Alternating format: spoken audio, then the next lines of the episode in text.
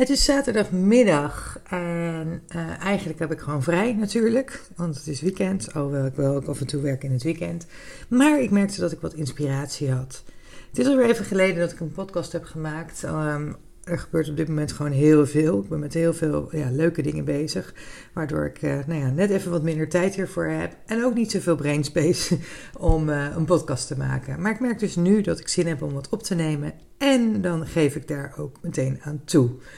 En voor mij wordt het ook de eerste podcast zonder uh, muzikale intro. Um, ik merk bij mezelf dat dat dan weer een extra actie is die ik moet uitvoeren. En ik voelde ook dat mijn eerdere intro niet helemaal meer klopt. Dus ik, uh, ja, je moet het uh, dit keer zonder een uh, leuk muziekje doen.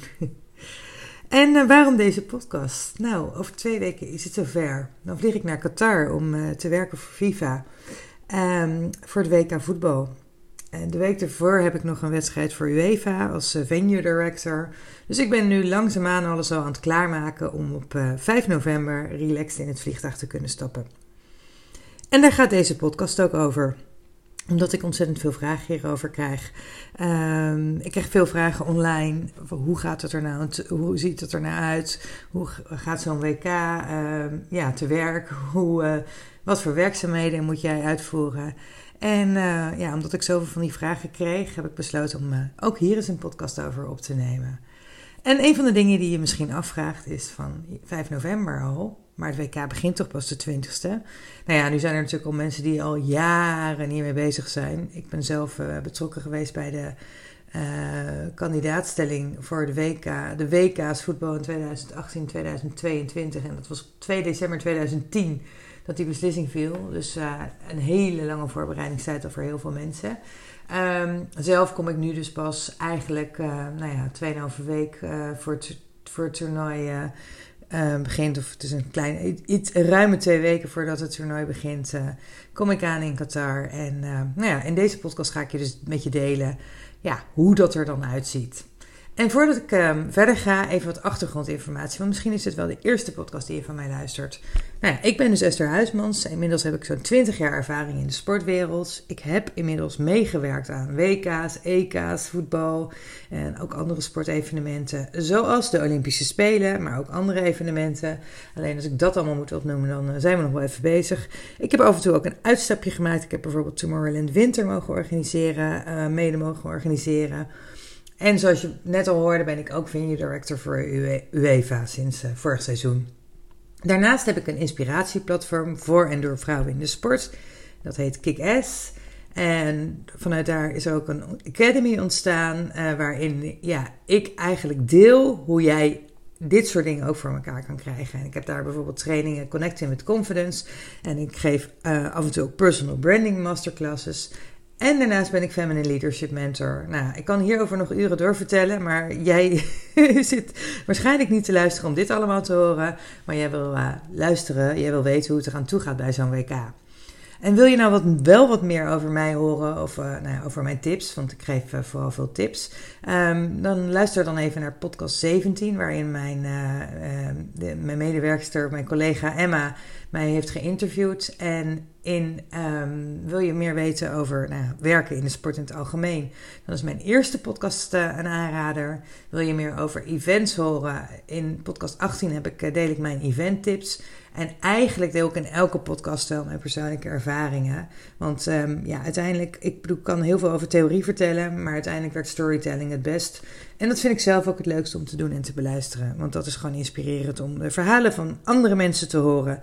Zo ben ik ooit gestart met Kick-Ass. Um, waarbij ik andere vrouwen in de, in de sportwereld, grotendeels sportwereld, ook interviewde. En um, ja, zo doe ik dat ook middels mijn eigen podcast. Terug naar het WK. Want daarom luister je natuurlijk naar deze podcast. Nou, wat ga ik doen? Ik ga voor FIFA aan de slag als marketing venue manager. Um, voor mij is dit een freelance opdracht, um, waar ik een aantal maanden geleden al uh, voor, uh, voor benaderd ben.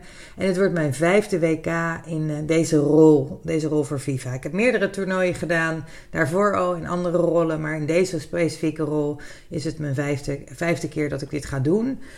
Um, tweede keer voor, een, voor het, nou ja, het mannen-WK, het grote mannen-WK. Um, want ik heb hiervoor ook in Rusland gewerkt. Um, en daarna heb ik uh, Polen, het onder 20 toernooi. Brazilië onder 17, dat was allebei in 2019. En ik heb in afgelopen augustus heb ik in Costa Rica gezeten voor de vrouwen onder 20. Dus, nou, dus dat, maakt het ook leuk. Um, al die toernooien hebben natuurlijk iets eigens. Het is elke keer ja, toch weer bijzonder. En uh, WK, zoals je nou ja, kunt voorstellen wat er nu aankomt, maar ook in Rusland, ja, daar, daar komt natuurlijk zoveel ja, meer bij kijken, zoveel meer druk op uh, ja, wat er allemaal gebeurt. De hele wereld is, de ogen van de hele wereld zijn gericht op, uh, ja, op Qatar straks. Um, op het WK. En, uh, nou ja, en de stadions zijn natuurlijk allemaal vol. Um, dus dat is wel anders dan bij een jeugdtoernooi, waar dat minder het geval is. Dus, maar er zijn dus allebei. Um, ja, ik vind, al, ik heb, vind allebei die toernooien die hebben eigenlijk uh, hun charmes. Want ja, die kleinschaligere toernooien, ja, die, die, ja, ik weet niet, die vind ik gewoon heel, ook ontzettend leuk om, uh, om te doen. Nou ja, daar kan ik wel nog heel veel over vertellen, maar dat ga ik nu niet doen in deze, deze podcast. Um, ik zei al, het is een freelance opdracht en dit zijn vaak geen opdrachten uh, waar je voor kunt solliciteren. Dit gebeurt vaak via het eigen netwerk. Wel is het handig om uh, je hand op te steken, om aan te geven dat je interesse hebt. Um, en dat is dus ook vaak via het netwerk.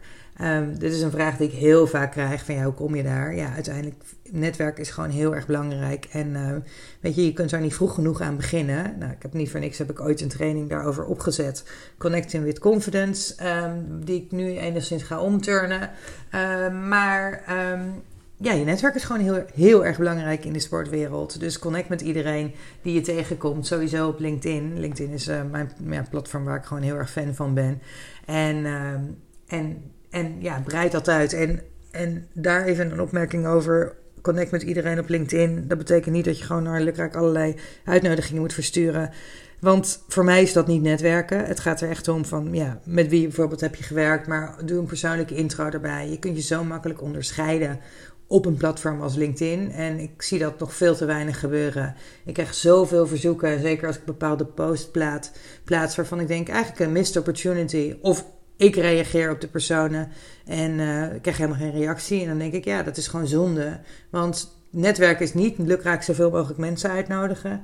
Netwerken is um, connectie aangaan. En uh, nou ja, daar vertel ik natuurlijk meer over in mijn, uh, in mijn training, waar ik misschien masterclass van ga maken. Maar dat is voor een later moment. Um, ik zit inmiddels in de pool van freelancers bij, uh, bij FIFA en ben ook ervaren. Want ik zei, dit wordt mijn vijfde toernooi in deze rol. Maar ik heb al heel veel andere toernooien gedaan en ook in diverse andere rollen. Dus um, de kans is in dat geval ook groter dat je zo'n mogelijkheid krijgt. En ik ben uh, marketing venue manager. Um, sommige mensen vragen wel eens, ja, maar wat, wat, uh, wat um, is het verschil dan? Want voor UEFA heb ik een andere rol. Daar ben ik venue director. En daar doe ik dus meer de competitiezaken. Um, in dit geval dus ben ik verantwoordelijk voor uh, marketing in een venue. Um, ik heb diverse andere rollen gehad bij eerdere toernooien. En ik vind ook die afwisseling leuk. Al ik, merk ik wel dat ik, dat ik um, ja, dit soort rollen, waarbij je ook contact hebt met alle andere afdelingen, die vind ik wel echt het, uh, het allerleukste. Nou, en je zult je waarschijnlijk afvragen wat dat dan inhoudt. Nou, het, eigenlijk is het er, gaat het erom dat je de rechten van de FIFA World Cup partners, dat je die behartigt. En dat, je, dat doe je op jouw venue. Dus ik heb, ik, heb heel veel Engelse termen die ik er doorheen gooi. Maar ja, dat zijn nu helemaal de termen waar we het over hebben. En ik weet niet hoe ervaren jij bent als luisteraar. Maar um, als je al heel veel ervaring hebt, dan zal het allemaal bekend voorkomen. Zo niet, dan is dat misschien uh, is dat nieuw, maar dat kan heel erg waardevol zijn. Ooit, toen ik solliciteerde bij mijn eerste, voor mijn eerste baan in de sport, Um, toen kreeg ik ook de vraag, ja, wat wil je dan doen? En toen werden er allerlei dingen genoemd, zoals uh, nou ja, ticketing, hospitality, VIP, maar ook accreditatie. En ik had geen idee wat ze nou bedoelden. Wat is accreditatie? Nou, dat, dat is een toegangs, toegangs uh, device, device, zou ik maar zeggen, toegangsbewijs dat je naar binnen kan. Dus je hebt tickets voor de, voor de mensen die, voor de bezoekers, maar voor de mensen die aan het werk zijn, die krijgen een accreditatie waarop staat waar jij um, je mag melden. Ja, op dat moment wist ik, wist ik dat dus niet. Nou, dus ik gooi er af en toe wat termen doorheen. Als ik eraan denk, dan zal ik ook eventjes toelichten uh, wat, dat, wat dat betekent. Maar daarom, ja, daarom hoor je dus van allerlei Engelse termen. Ik zou bepaalde dingen niet eens in het Nederlands kunnen uitleggen. Dus, zoals ik al zei, ik ben er verantwoordelijk voor dat ze met mijn collega's dat de rechten van de partners van het WK worden behartigd. De marketing operations voor, de, voor het WK. En waar moet je dan aan denken? Nou, een van de dingen die bijvoorbeeld gebeurt is youth programs. Er zijn een aantal partners die hebben rechten en die mogen dan kinderen voordragen om bijvoorbeeld met de spelers het veld op te lopen.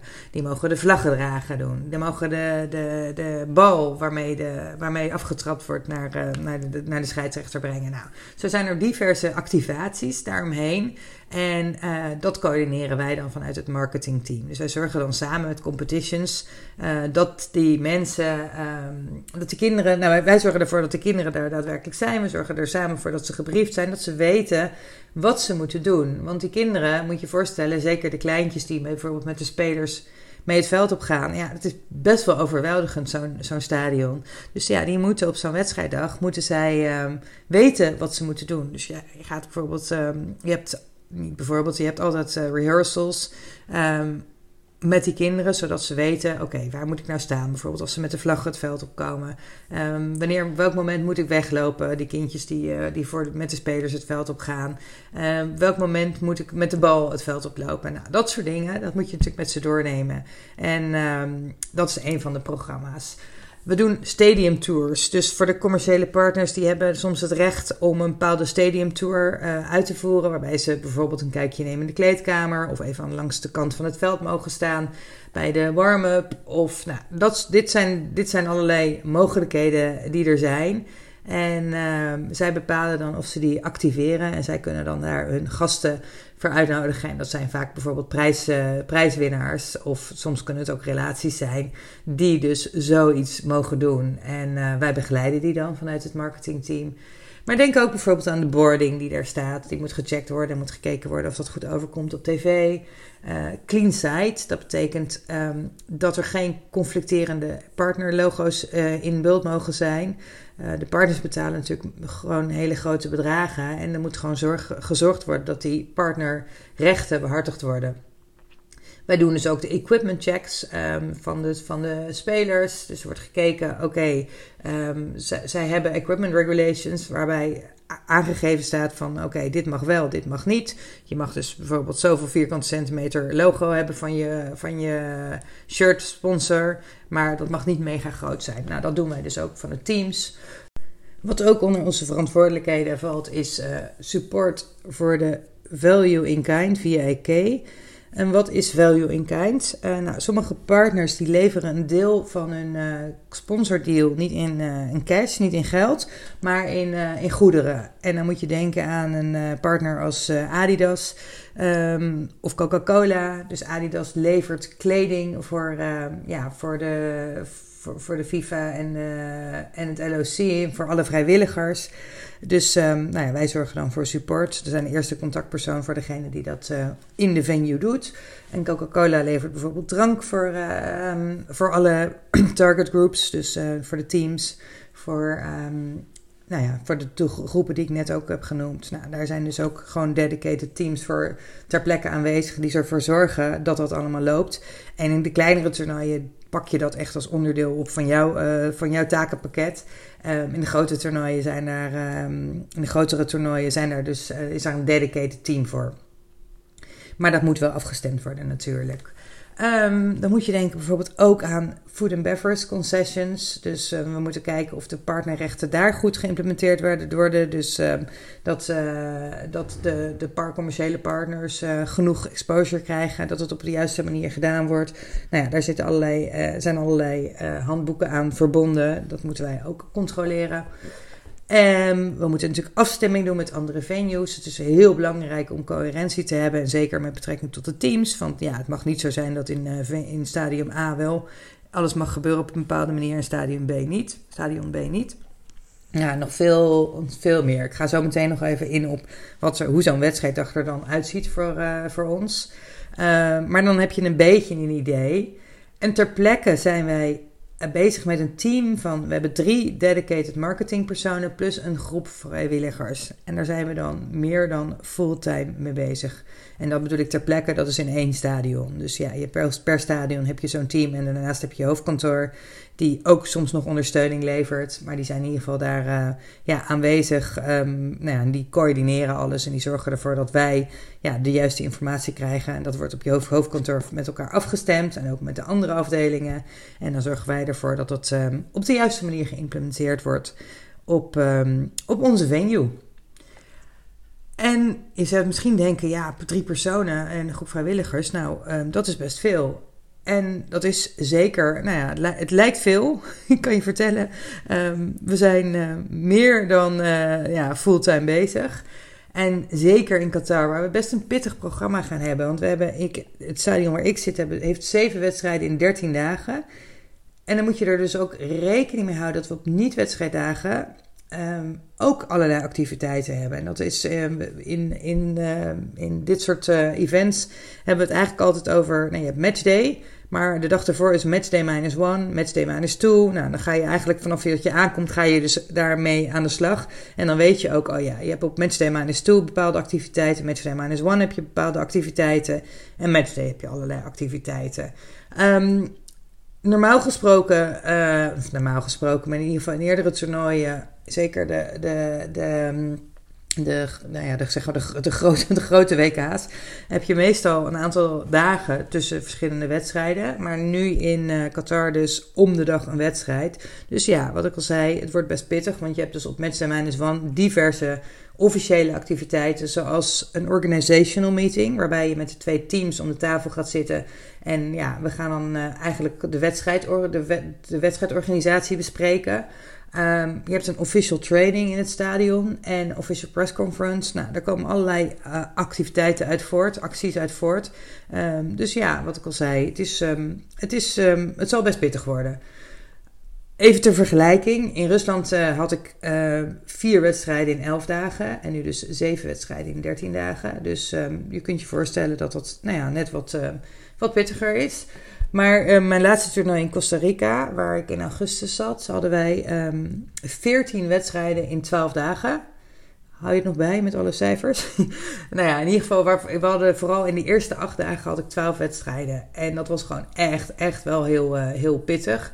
Want we hadden daar back-to-back uh, doubleheaders. Dat betekent dat je, uh, back-to-back houdt in dat je, nou ja, twee dagen achter elkaar een wedstrijd hebt. Um, zo, zo noemen ze dat, rug tegen rug eigenlijk.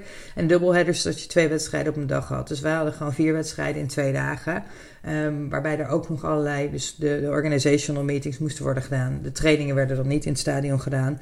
Maar daar was het echt, het is gewoon veel. En natuurlijk is de druk op een WK-wedstrijd is veel hoog, hoger. Maar uiteindelijk moet de wedstrijd wel uh, gespeeld worden. Dus uh, nou, ik ben heel erg benieuwd hoe, hoe, dit gaat zijn. nou, en ik heb er dus even wat termen in gegooid. Um, ik zeg dat wat ik al zei, dat kan ook handig voor je zijn. Ik uh, hoop dat je het overzicht nog hebt uh, van, uh, van alle cijfers die ik heb genoemd. Maar wat ik al zei, het, is een, het zal een pittig schema worden. Maar dat is ook wel weer leuk. Want vaak merk je ook op het moment dat het even wat minder druk wordt, dat je dan ook voelt hoe, hoe moe je bent. En je kan maar beter in je nou ja, gefocuste, eigenlijk in je adrenaline blijven zitten. Want ja, dat vind ik zelf altijd wel lekker met zo'n toernooi. En hoe ziet het er dan eigenlijk uit in, eh, in aanloop naar? Nou, de afgelopen periode hebben we een aantal online sessies gehad. Waarbij we dan met het, bijvoorbeeld met het team kennis maakten. En waarbij we wat uitleg kregen over: oké, hoe gaat het eraan toe? En nu scheelt het in mijn geval dat het natuurlijk niet mijn eerste toernooi is. Um, en ook niet mijn eerste toernooi voor FIFA. Want in Rusland um, ja, was het zoveel informatie. En ja, op zich had ik toen al best wel veel ervaring in toernooien, maar nog niet in deze specifieke rol. Dus ja, dan, dan krijg je gewoon heel veel informatie in een korte tijd en daarmee moet je aan de slag gaan. Ja, en nu weet ik wat mij te wachten staat en gaat, gaat het meer om van oké, wat is nou specifiek relevant voor voor dit WK en voor dit stadion en dergelijke. Dus het is, het is anders dan toen ik naar Rusland ging, waar ik nog echt helemaal niet precies wist wat en hoe. Um, maar, uh, maar ja, aan de andere kant, het, is niet mijn eerste, het was toen ook niet mijn eerste toernooi. Dus ja, je weet wel hoe dat, hoe dat eraan toe gaat. Het is gewoon, ja, je krijgt gewoon veel informatie en uh, nou ja, daar moet je mee aan de slag gaan. Ehm, nou, ook zijn net al, over twee weken vlieg ik uh, die kant op. En uh, die eerste dagen staan dan een teken van, ja, zorgen dat je eigenlijk kunt settelen. Um, we moeten van alles ophalen. Accreditatie, waar ik het net al over had. Je official uniform. Um, dat is eigenlijk wel heel makkelijk, want uh, we krijgen een official uniform en we krijgen dus ook die Adidas kleding, zoals ik al aangaf. Um, waar ik dus mijn eerste toernooi dacht, oh wat moet ik allemaal meenemen? Denk ik nu, oh het is eigenlijk heel makkelijk, want je, je loopt toch alleen maar in die kleding. Dus dat, is, dat maakt, het, maakt het eigenlijk een stuk relaxter om, om je koffer te pakken. Um, laptop, telefoon. En dus natuurlijk, uh, dat geldt dan voor mij als externe. Waarbij uh, dat geldt niet voor de, voor de mensen die gewoon voor FIFA werken. Want er worden heel veel mensen van FIFA natuurlijk ook ingezet om, uh, om zo'n rol, zo'n eventrol uit te voeren. En dan is, zijn het ook vaak mensen van andere afdelingen. Dus dat zijn mensen bijvoorbeeld die dan uh, op de financiële afdeling zitten, die dan ineens hospitality gaan doen of iets dergelijks. Die uh, op die manier de mogelijkheid krijgen om, uh, om mee te werken bij zo'n toernooi. En natuurlijk heb je wel ook de mensen die echt specialistisch ergens mee bezig zijn, um, die dan ja, daarvoor uitgezonden worden. Um, nou, wat ook belangrijk is, is uh, om de venue te leren kennen, de familiarization. Dus um, je gaat natuurlijk naar een stadion toe, dat ken je nog niet. Een tip die ik altijd meegeef aan mensen uh, die ook in de eventwereld aan de slag gaan, en dat is voor mezelf ook altijd eentje die uh, wel interessant is. De eerste keer dat je op een venue aankomt, is het allemaal nieuw. Um, op een gegeven moment ken je je weg. Weet je helemaal precies alle kruip door. Maar zeker een eerste keer is het heel waardevol om te kijken: oké, waar loop ik nu tegenaan? Oh, wat zou nu mijn doelgroep bijvoorbeeld, waar zouden die het moeilijk mee uh, hebben? Waar, hoe zouden ze een weg niet kunnen vinden? Of nou ja, al dat soort dingen, daar, daar loop je tegenaan. Uh, of in ieder geval, daar, daar, daar kun je tegenaan lopen en dat kun je gebruiken nou ja, voor de verdere implementatie. Um, bijvoorbeeld, moeten, we moeten op wedstrijddagen moeten wij natuurlijk met onze, met onze gasten moeten wij. Um, uh, die moeten we ergens verzamelen, dan moeten we mee naar binnen lopen, dan moeten we, nou ja, nou, ze moeten de juiste accreditatie hebben. Wij moeten ervoor zorgen, we moeten weten dat we die route ook daadwerkelijk kunnen lopen met onze gasten, dat dat allemaal goed afgestemd is. Nou, dat zijn dingen waar je mee aan de slag gaat. En dat is iets waar je dus op dat moment, nou ja, je gaat er later nog wat, wat meer in detail naar kijken. Maar op dat moment is het al een hele handige, omdat het voor het eerst is. Dus oké. Um, waar loop je tegenaan op het moment dat je dus voor het eerst binnenkomt? En uh, dat, is, dat is hele nuttige informatie. Wat we ook hebben is een uh, gezamenlijke workshop waarin we eigenlijk alle informatie krijgen. Dus algemene informatie van oké, wat houdt het daadwerkelijk in? Um, maar vooral ook wat er specifiek tijdens dit toernooi onder onze verantwoordelijkheden valt. En wat nou de specifieke bijzonderheden zijn je kunt je voorstellen dat uh, de, de partners, de commerciële partners, niet altijd dezelfde zijn. En soms zijn het natuurlijk ook, je hebt natuurlijk ook local partners. Um, daar zijn ook bijzonderheden in. De activaties van wat wordt door welke partner geactiveerd, dat kan veranderd zijn. Of nou, nieuwe activaties kan er zijn. Nou, allemaal dat soort bijzonderheden, die krijgen we tijdens die, uh, tijdens die workshop te horen. Zodat we daar, um, ja, daarmee aan de slag kunnen op het moment dat wij naar onze venue gaan. Natuurlijk is het ook heel erg om, uh, belangrijk om ons team te leren kennen. En uh, dan gaat het natuurlijk om uh, het marketingteam. Wat ik al zei, we zitten met, met, drie, met z'n drieën straks in onze venue. Waarmee we ja, superveel gaan optrekken.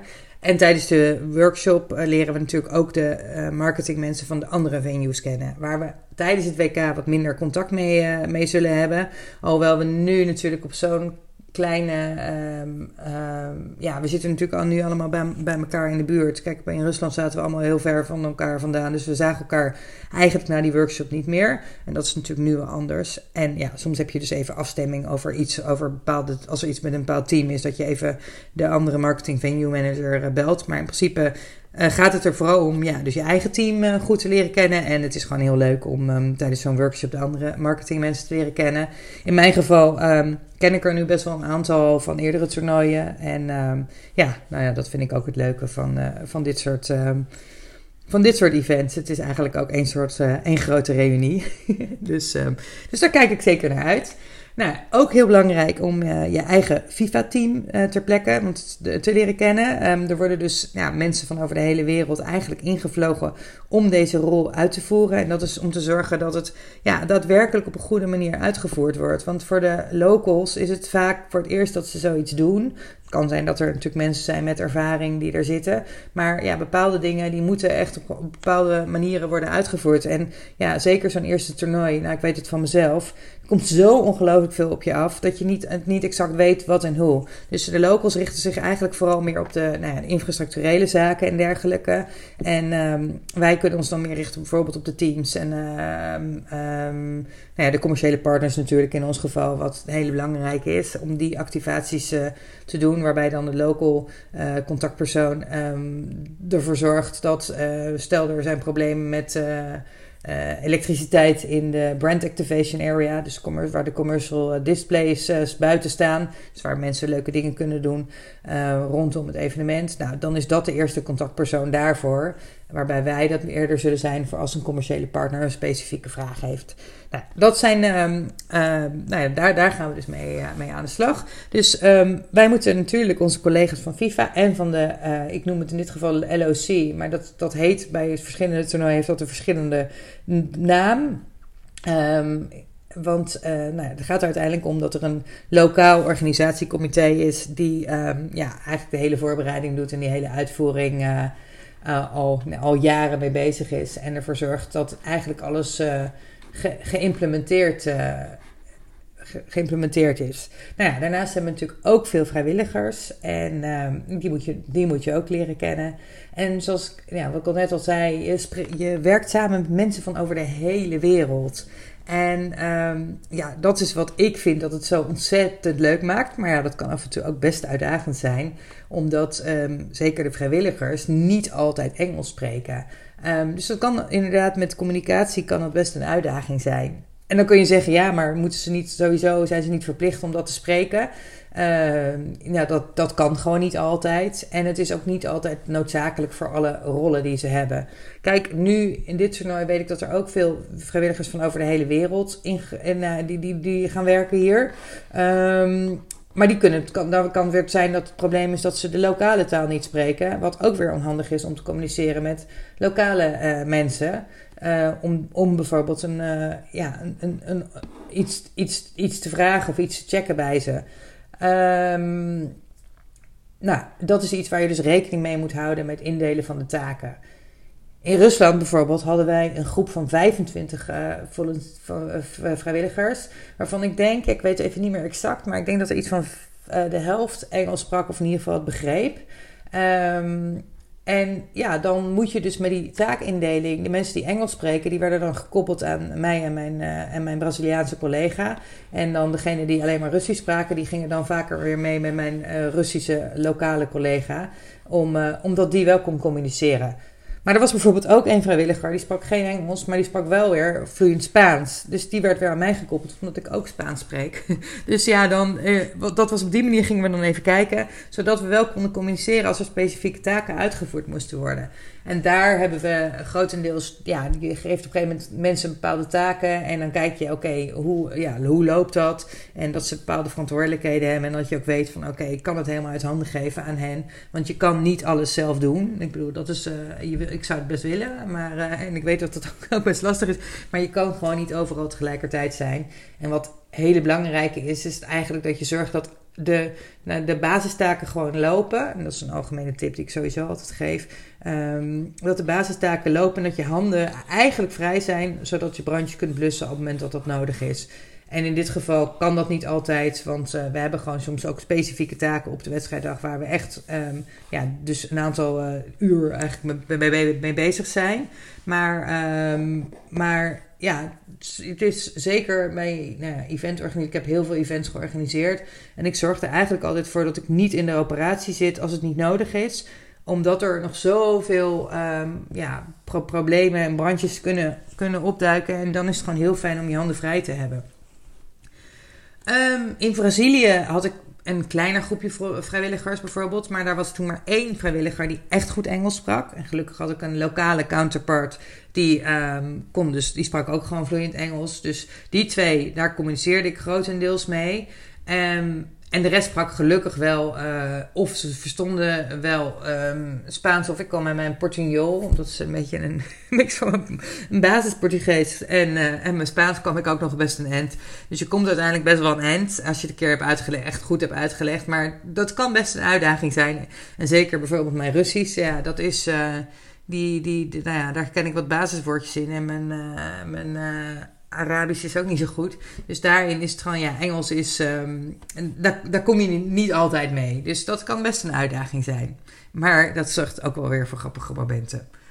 En dan, ja, aan de slag. Um, op het moment dat wij dus die workshop hebben gehad, we op de venue zijn, ja, ga je uh, settelen in, uh, in, je, in, je, kantoor. Um, we gaan een planning maken voor de, nou, de periode daarna. En tot en met die, die wedstrijddagen taakverdeling maken met het eigen team. En uh, voor de, voor de volunteers, dat ze weten wat ze moeten doen. Zij moeten natuurlijk gebriefd worden. En met alle eerdere taken dus aan de slag om het stadion wedstrijd klaar te maken.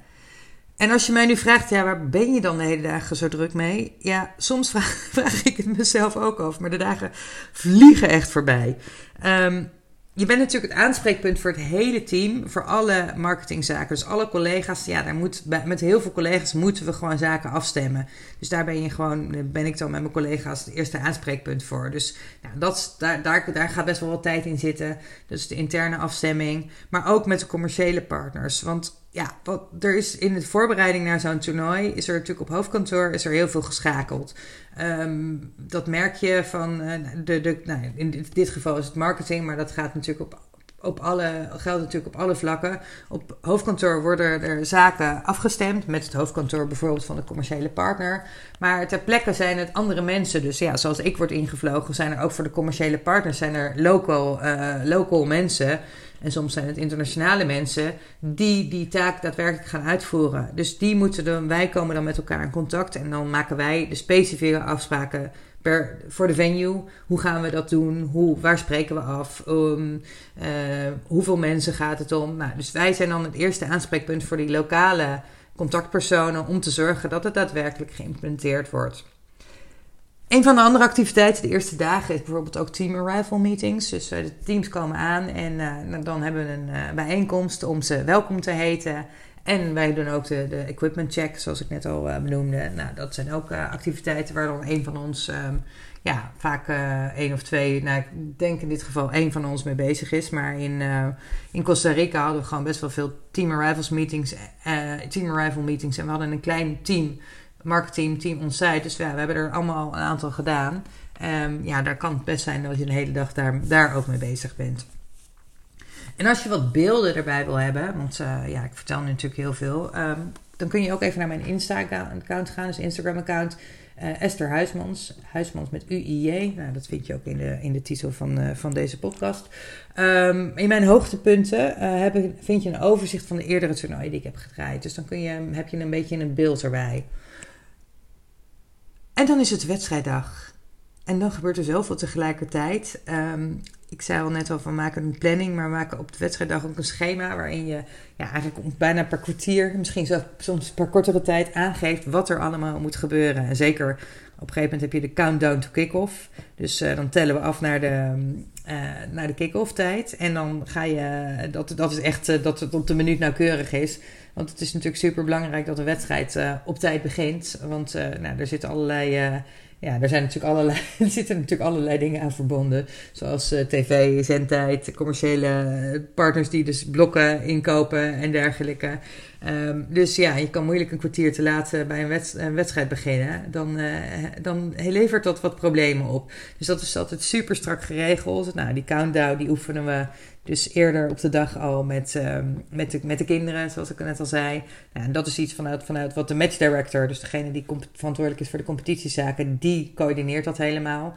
Dat doe ik dus bij UEFA als venue director. En uh, dat, helpt weer, dat helpt mij weer, want ik weet dus ook waar die persoon nou ja, niet tegenaan, ja, tegenaan loopt of tegenaan kan lopen. Wat de uitdagingen zijn. Maar um, ja, het is dus heel fijn dat je weet, oké, zo gaat het eraan toe. En ja, door de, de toernooiervaring ja, heb ik natuurlijk inmiddels, ja, weet ik wel waar je dan op moet letten.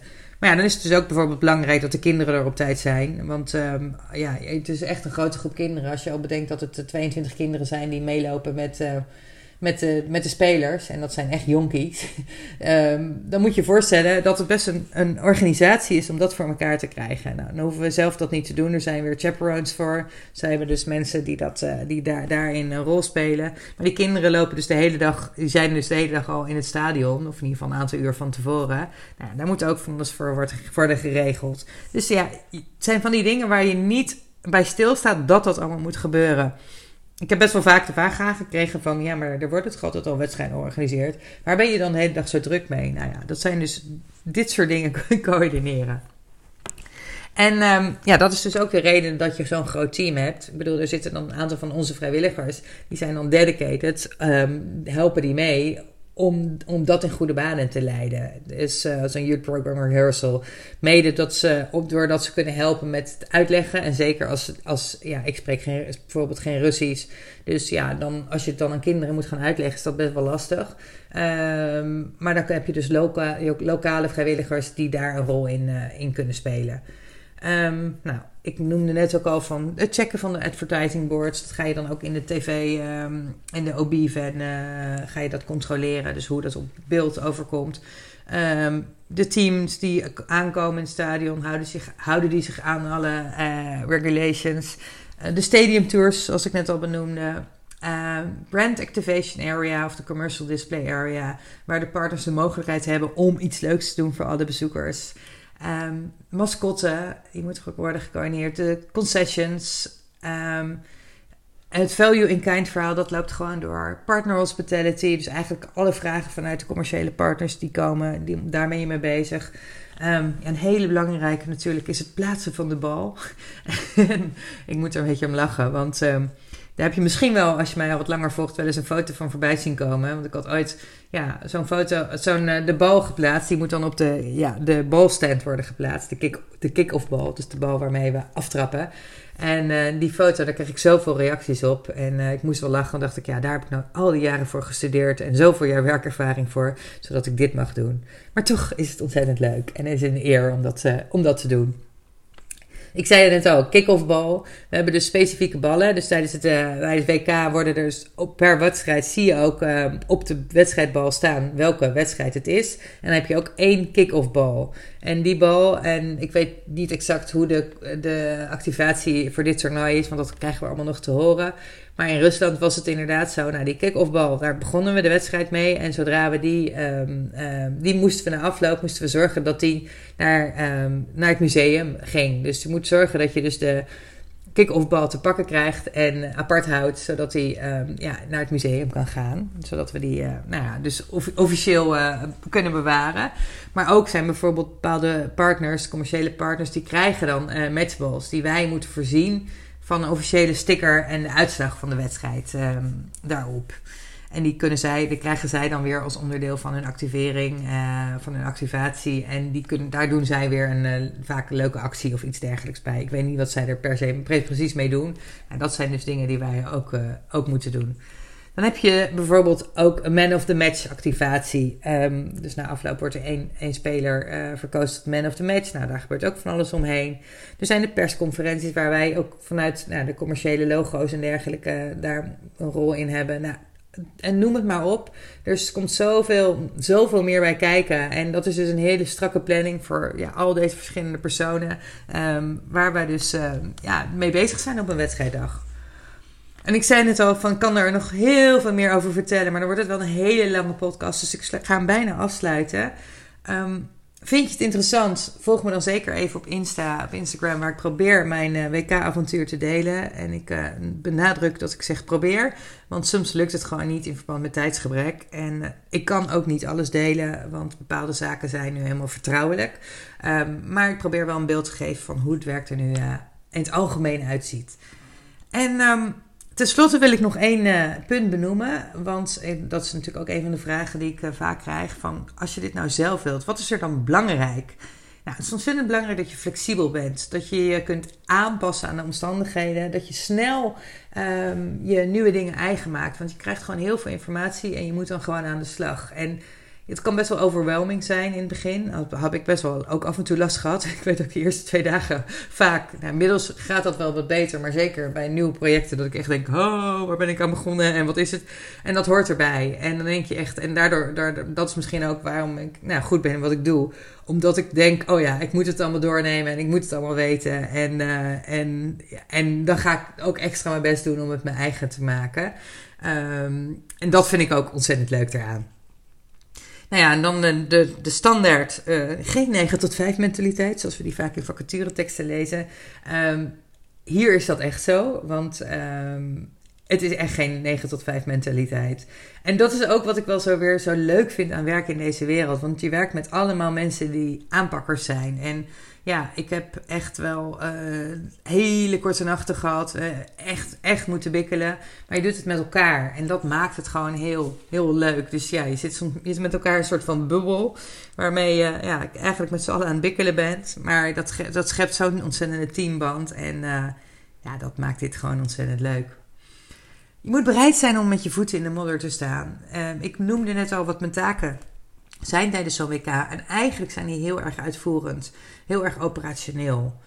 Ik heb in het verleden ook best wel vaak op hoofdkantoor gezeten en eigenlijk de hele voorbereiding gedaan voor zo'n toernooi. Ja, dan ben je veel meer met de lange termijn planning bezig. Ik vind het nu heel leuk om dit te doen, omdat ik dit kan combineren met mijn andere werkzaamheden in de coaching en trainingen. Um, en ja, ik dus de, mogelijkheid heb om dit soort eindtoernooien op die manier mee te maken.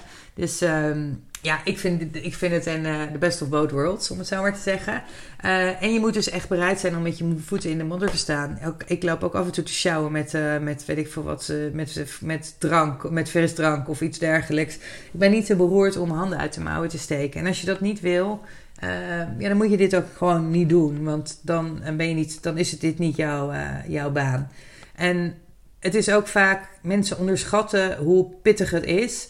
En ik weet dat heel veel mensen die, die denken: oh, dat is mooi, dan zit je front row bij zo'n uh, sportevent.